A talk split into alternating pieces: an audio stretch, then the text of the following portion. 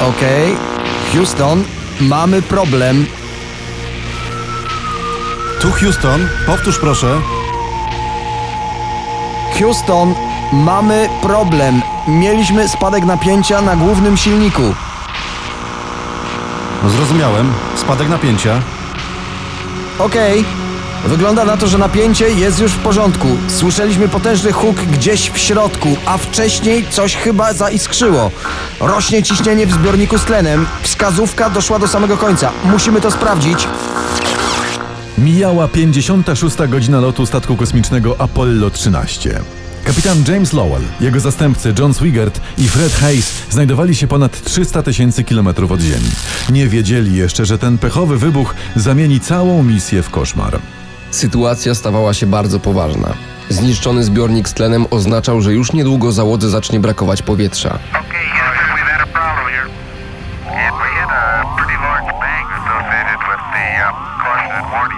Houston, mamy problem. Było duże bum, aż rozdzwoniły się wszystkie dzwonki alarmowe. Na tym nie koniec. Eksplozja zbiornika numer 2 uszkodziła również układy zasilania, w związku z czym na pokładzie brakowało energii i bardzo szybko spadała temperatura. W wyniku eksplozji nieszczelny stał się także zbiornik numer 1. Zaczynała się najdłuższa i najbardziej dramatyczna noc w historii podboju kosmosu. Do Centrum Kontroli Lotów w Houston zaczęli ściągać najwybitniejsi specjaliści i doradcy. NASA została postawiona w stan najwyższej gotowości. Należało jak najszybciej opracować plan powrotu statku na Ziemię. Główny moduł maszyny był jednak na tyle uszkodzony, że konieczne było przejście pilotów do lądownika Aquarius, który pierwotnie miał służyć do lądowania na Księżycu. Problem w tym, że w lądowniku było miejsce tylko dla dwóch astronautów. Trzynasta z kolei misja programu Apollo miała być najbardziej spektakularną i najbardziej przygotowaną kosmiczną odyseją. Stało się jednak inaczej. Tymczasem od samego początku wszystko wskazywało na to, że i tym razem misja zakończy się sukcesem. Zaledwie 9 minut przed pechowym wybuchem zbiornika z tlenem dowodzący statkiem udzielił transmitowanego na żywo wywiadu. Panie kapitanie, w jakiej kondycji znajduje się pańska załoga? Tu mówi załoga Apollo 13. Czujemy się świetnie. Zanosi się na miły i spokojny wieczór. Musimy jeszcze skończyć obchód w module załogowym. Życzymy wszystkim spokojnej nocy. Czy statek jest dobrze przygotowany do misji? O tak, o ile mi wiadomo, to doskonały sprzęt. Zanosi się na prawdziwą nudę. Już kilka minut później okazało się, jak bardzo kapitan James Lowell się mylił.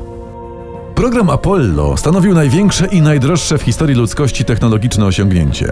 Celem ustanowionego w roku 60 projektu było wszechstronne zbadanie powierzchni Księżyca. Sześć misji Apollo skończyło się lądowaniem na Księżycu. Trzykrotnie okrążono Księżyc po jego orbicie. Najbardziej dramatyczna i pechowa okazała się jednak trzynasta próba zbadania naturalnego satelity Ziemi. Celem lotu było zbadanie księżycowego krateru Fra Mauro, który już od lat niepokoił naukowców ze względu na swoje dziwne kształty. Misja była więc wyjątkowo skrupulatnie organizowana. Wszyscy eksperci byli zgodni, była to najlepiej przygotowana misja w programie Apollo. W raporcie kontrolnym, sporządzonym na kilka dni przed uruchomieniem maszyny, czytamy. Cały system Apollo 13, jego konstrukcja, wszystkie podzespoły i sam lądownik stanowią najbardziej ambitne i precyzyjne urządzenie kiedykolwiek skonstruowane przez człowieka. Aby osiągnąć cel, zarówno załoga, jak i cały ten skomplikowany mechanizm muszą osiągnąć perfekcję. Potrzebni byli więc perfekcyjni uczestnicy misji. I takich niemalże udało się znaleźć. Dowódcą lotu został kapitan James Lowell. W raporcie komisji czytamy: Commander Jim Lovell. Kapitan James A. Lowell. 42 lata, uczestnik trzech wypraw kosmicznych, brał udział w eskapadzie Apollo 8, podczas której po raz pierwszy okrążono Księżyc. Doświadczenie ponad 5000 godzin w powietrzu. Orzeczenie komisji jedyny człowiek zdolny pokierować misją Apollo 13. Równie dokładnie wybrano pozostałych astronautów. Pilotem lądownika księżycowego Aquarius został Fred Hess. And uh,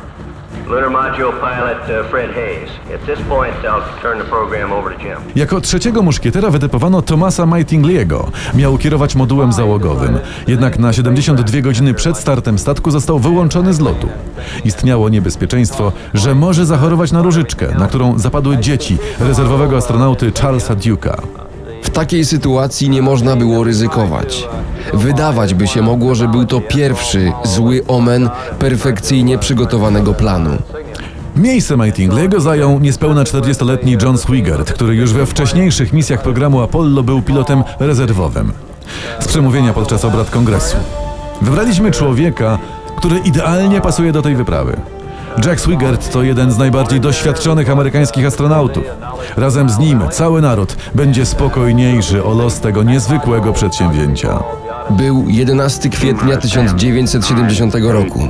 O 13.13 czasu lokalnego na lądowisku numer 39 w Centrum Przestrzeni Kosmicznej imienia Kennedy'ego na Florydzie uruchomiono potężne silniki wahadłowca Saturn V, który miał wynieść Apollo 13 w przestrzeń. Cała Ameryka wstrzymała oddech. Zaczynała się najbardziej pasjonująca i najbardziej dramatyczna wyprawa człowieka w kosmos. Nazwa statku Apollo 13. Dowódca kapitan James Lowell. Cel misji księżycowy krater Framauro. Pozycja orbita Ziemi. Pięć minut po starcie Lowell, Swigert i Hayes poczuli lekką wibrację. Jako doświadczeni astronauci byli na to przygotowani. Niespodziewanie jednak główny silnik startowy wyłączył się dwie minuty za wcześnie. Tylko dzięki szybkiej reakcji Centrum Kontroli Lotów Kosmicznych w Houston załoga mogła sprawnie kontynuować lot. Ten incydent nie zasiał żadnych wątpliwości co do przygotowania Apollo.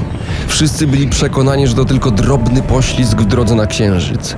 Czy jednak już wówczas nie należało się zastanowić nad tym, co tak naprawdę dzieje się na trzynastce?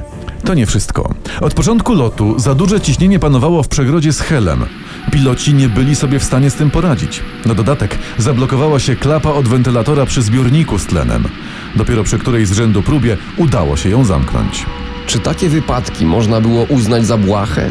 Widocznie tak, skoro nadal wszyscy, zarówno ci na Ziemi, jak i ci w przestrzeni kosmicznej, byli przekonani, że wszystko idzie doskonale. Nikomu nie przyszło do głowy, że te drobne incydenty, niczym zły omen, już wkrótce okażą się fatalne dla całej wyprawy. Początkowo Apollo 13 leciał tak zwanym wolnym kursem, który w przypadku okrążenia Księżyca zapewniał bezpieczny powrót do domu. Aby jednak wypełnić zadanie i zbadać krater Framauro, należało nieco zmienić trajektorię lotu. Houston, Houston, tu Apollo. Trzynastka, słyszę cię. Czy jesteście gotowi? Moduły na pozycji. Houston, proszę o nową pozycję. Zmiana na głównym. Cztery stopnie. Powoli. Trzynastka potwierdź. Główny o 4, zrozumiałem. Był to drugi dzień wyprawy. Jak się już wkrótce okazało, ta rutynowa czynność sprawiła, że powrót załogi Apollo na Ziemię okazał się prawie niemożliwy. Kapitan Lowell i jego zastępcy jak na razie czuli się doskonale. Nie mieli żadnych wątpliwości co do powodzenia misji. W podobnym nastroju był też dyżurny szef obsługi lotów Houston Joe Kerwin. Na kilka godzin przed pechowym wybuchem zbiornika z tlenem zapewniał dziennikarzy, że Apollo to doskonały statek. Panie i panowie, do tej pory wszystko idzie zgodnie z planem. Apollo wykonuje wszystkie polecenia. Nasi dzielni chłopcy spisują się na medal. Już niedługo sami pozdrowią swych bliskich i cały amerykański naród. I tak też się stało. Zaledwie 9 minut przed katastrofą zakończono blisko godzinną transmisję z pokładu Apollo. Zadowoleni astronauci pokazywali, jak pracują i jak wypoczywają w stanie nieważkości. Tu mówi kapitan James Lowell, dowódca statku. Jesteśmy naprawdę dumni. Wierzy w nas teraz cała Ameryka. Chcemy pozdrowić nasze rodziny i przyjaciół.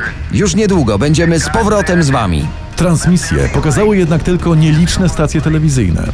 Po wielkim sukcesie Apollo 11 i po pierwszych krokach człowieka na Księżycu, 13 misja Apollo nie wzbudzała już wielkich emocji. Zbliżała się 56 minuta 56 godziny lotu Apollo 13. Był 13 dzień kwietnia 1970 roku. W Nowym Jorku, Los Angeles i Waszyngtonie zbliżał się kolejny, spokojny i zwykły wieczór. Rodziny astronautów i miliony Amerykanów nie przeczuwały nawet, że najbliższe godziny okażą się najbardziej dramatyczne w ich życiu. Załoga trzynastki znalazła się w poważnej sytuacji. Wybuchł właśnie drugi zbiornik z tlenem, a pierwszy stał się nieszczelny i szybko przeciekał. Houston, ze statku coś się wydziela w przestrzeń. Zrozumiałem, z maszyny coś się wydobywa. To jakiś gaz. Nie wiem, co to może być. Potwornie nami zatrzęsło. Pechowy zbiornik o numerze seryjnym 10024X TA009 był już wcześniej zainstalowanym na Apollo 10.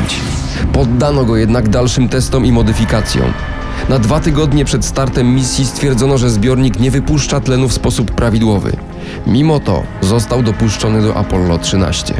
Teraz należało działać błyskawicznie. Astronauci, nie zdając sobie sprawy z wycieku tlenu, musieli szybko zamknąć właz między modułem załogowym a modułem księżycowym. Ciśnienie w pierwszym zbiorniku z tlenem spadało z każdą sekundą. Załoga i kontrolerzy w centrum lotów w Houston zdali sobie sprawę, że na statku zostało bardzo, bardzo mało powietrza. Uszkodzone zostały także systemy zasilania. Znaczyło to jedno: już niedługo zacznie brakować energii. Był to niemal wyrok na 13. misję Apollo. Niecałe półtorej godziny po feralnej eksplozji dyżurny szef wyprawy Jack Lowsma zdobył się na słowa, o których wszyscy woleli nie myśleć. Wskazówka jedynki już niedługo dojdzie do zera. Trzeba pomyśleć o przejściu do szalupy ratunkowej Aquariusa. My już o tym pomyśleliśmy. Pomyśleliśmy niestety. Macie na to 15 minut.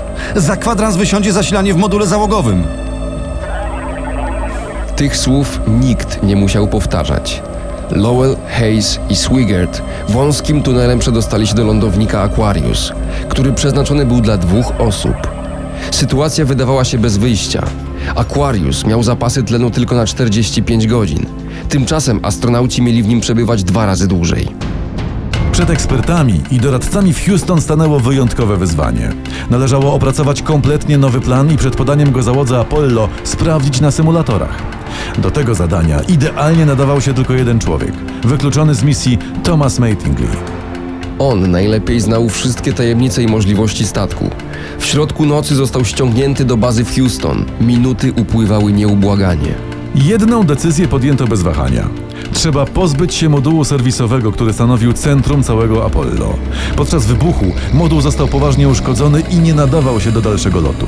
Co więcej, w zaistniałej sytuacji utrudniał sterowanie lądownikiem, w którym przebywali piloci. Brakowało energii i kończył się tlen. Poważnym problemem był brak wody, niezbędnej do chłodzenia wszystkich urządzeń. Bez chłodzenia statek był bez szans. Według obliczeń wody miało zabraknąć na 5 godzin przed planowanym lądowaniem. Oczywiście pod warunkiem, że Apollo wytrwa tak długo. Wszyscy zadawali sobie jedno pytanie: jak sprowadzić trzynastkę na Ziemię?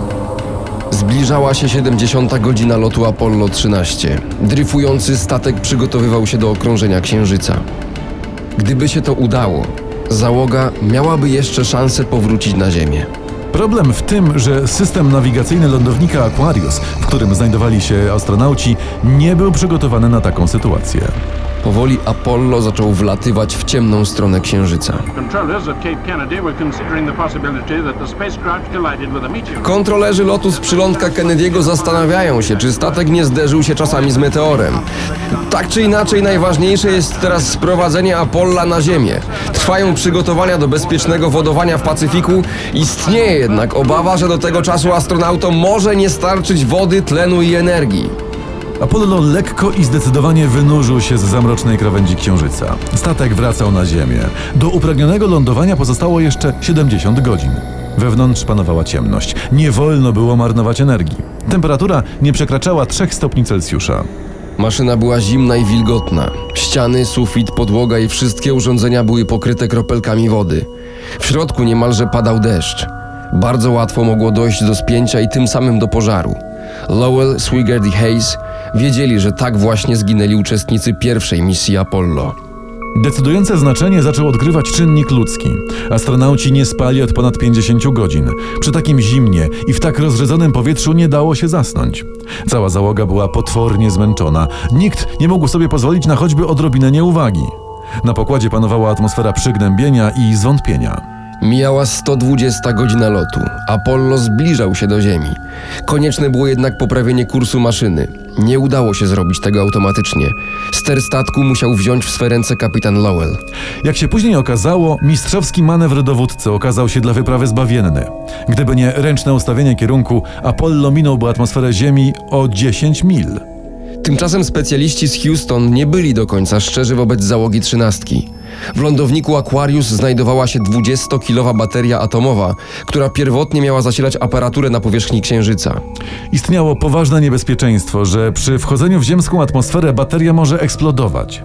Znajdujące się w niej 6 kg plutonu 238 stałoby się wówczas dla astronautów źródłem śmiertelnego promieniowania.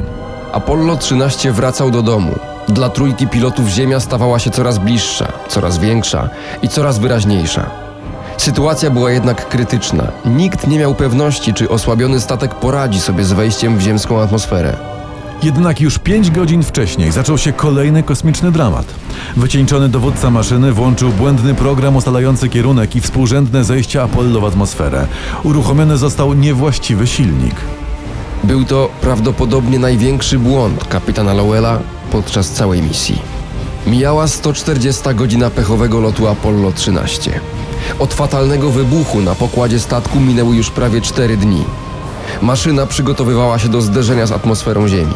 Ten moment miał zdecydować o życiu lub śmierci załogi. Houston, według nas statek jest gotowy. Powtarzam, jesteśmy gotowi. Apollo, rozumiem. Możecie przejść do szalupy ratunkowej. Teraz trzynastka. Tak jest, Houston, tak jest. To był dobry statek. Żegnaj, Apollo. Do zobaczenia na ziemi, chłopcy. Niech Bóg ma was w swojej opiece. Kapitan Lowell i jego dwaj zastępcy znajdowali się w ciasnej i ciemnej szalupie ratunkowej. Do uderzenia w ziemską atmosferę pozostał niecały kwadrans. Astronauci zapięli wszystkie pasy i pozaciągali ostatnie klamry. Na statku i w bazie w Houston panowała śmiertelna cisza. Teraz pozostało już tylko czekać. Cała Ameryka wierzyła, że im się uda. Jeśli przetrwali tak długo, to przecież musiało się udać. Mike, powinniście ich już zobaczyć. Halo, Mike? Houston, niestety na razie ich nie ma. Powtarzam, nic nie zauważyliśmy. Niebo jest bardzo zachmurzone. Jak to nie ma? Przecież pół minuty temu straciliśmy kontakt ze statkiem. Przykro mi, Houston. Nie, zaraz, zaraz, jedynka. Co widzisz? Co widzisz? Houston, mamy ich! Powtarzam, mamy ich! Mamy! Na niebie, nad środkowym Pacyfikiem zamajaczył maleńki punkcik, stawał się coraz wyraźniejszy. Załoga amerykańskiego krążownika USS Iwo Jima była już pewna. Astronauci z Apollo 13 są uratowani. Po chwili można już było odróżnić kształt drobnej szalupy ratunkowej spadającej na trzech spadochronach. Uh. Odyseja tu Houston, spadasz na głównych spadochronach. Wspaniały widok. Olbrzymie owacje dla Apollo 13, który ląduje na spadochronach. Really looks great. An extremely loud applause as Apollo 13. Widzimy to bardzo wyraźnie na ekranie telewizyjnym. Jim Lowell, Fred Hayes i John Swigert osiedli na błękitnych wodach Oceanu Spokojnego. Koszmar dobiegł końca. Nie wierzyli, że się udało. Jeszcze do nich nie docierało, że znaleźli wyjście z sytuacji bez wyjścia, że uratowali się z sytuacji beznadziejnej. Już wkrótce okazało się, że gdyby lot trwał godzinę dłużej, załoga nie miałaby żadnych szans. Wyczerpałoby się powietrze i wysiadłyby systemy zasilania statku. Wielkie szczęście w jeszcze większym nieszczęściu. Tak określono wyprawę kilka minut po lądowaniu. Cała Ameryka dziękowała Bogu za sprowadzenie na ziemię ich bohaterów. Mówi żona Jima Lowella. Chcę podziękować wszystkim kontrolerom lotu za to, że pomogli mojemu mężowi i jego załodze w powrocie na ziemię. Dziękuję też wszystkim tym, którzy przysłali nam pełne troski listy i którzy modlili się razem z nami. Wszyscy bardzo wierzyliśmy, że Bóg nam pomoże, no i rzeczywiście tak się stało. Zadawano sobie tylko jeszcze jedno pytanie. Co wydarzyło się podczas tragicznej 56. godziny lotu na pokładzie Apollo 13? Pojawiły się nawet wersje, że powodem katastrofy było zderzenie z meteorytem. Jak się jednak okazało, przyczyna była bardziej prozaiczna. Wybuch fatalnego drugiego zbiornika z tlenem na pokładzie Apollo 13 spowodowany był pożarem kabli. Przed wyprawą ulepszono zbiornik, lecz nie poprawiono przewodów. Podczas lotu nie wytrzymały one temperatury blisko 700 stopni Celsjusza. Po raz kolejny zawinił więc człowiek. Misja dobiegła końca. Jednak pomimo faktu, że nie udało się osiągnąć celu Odysei, historia Apollo 13 i jego załogi pozostaje najbardziej emocjonującą w historii wyprawą człowieka w kosmos.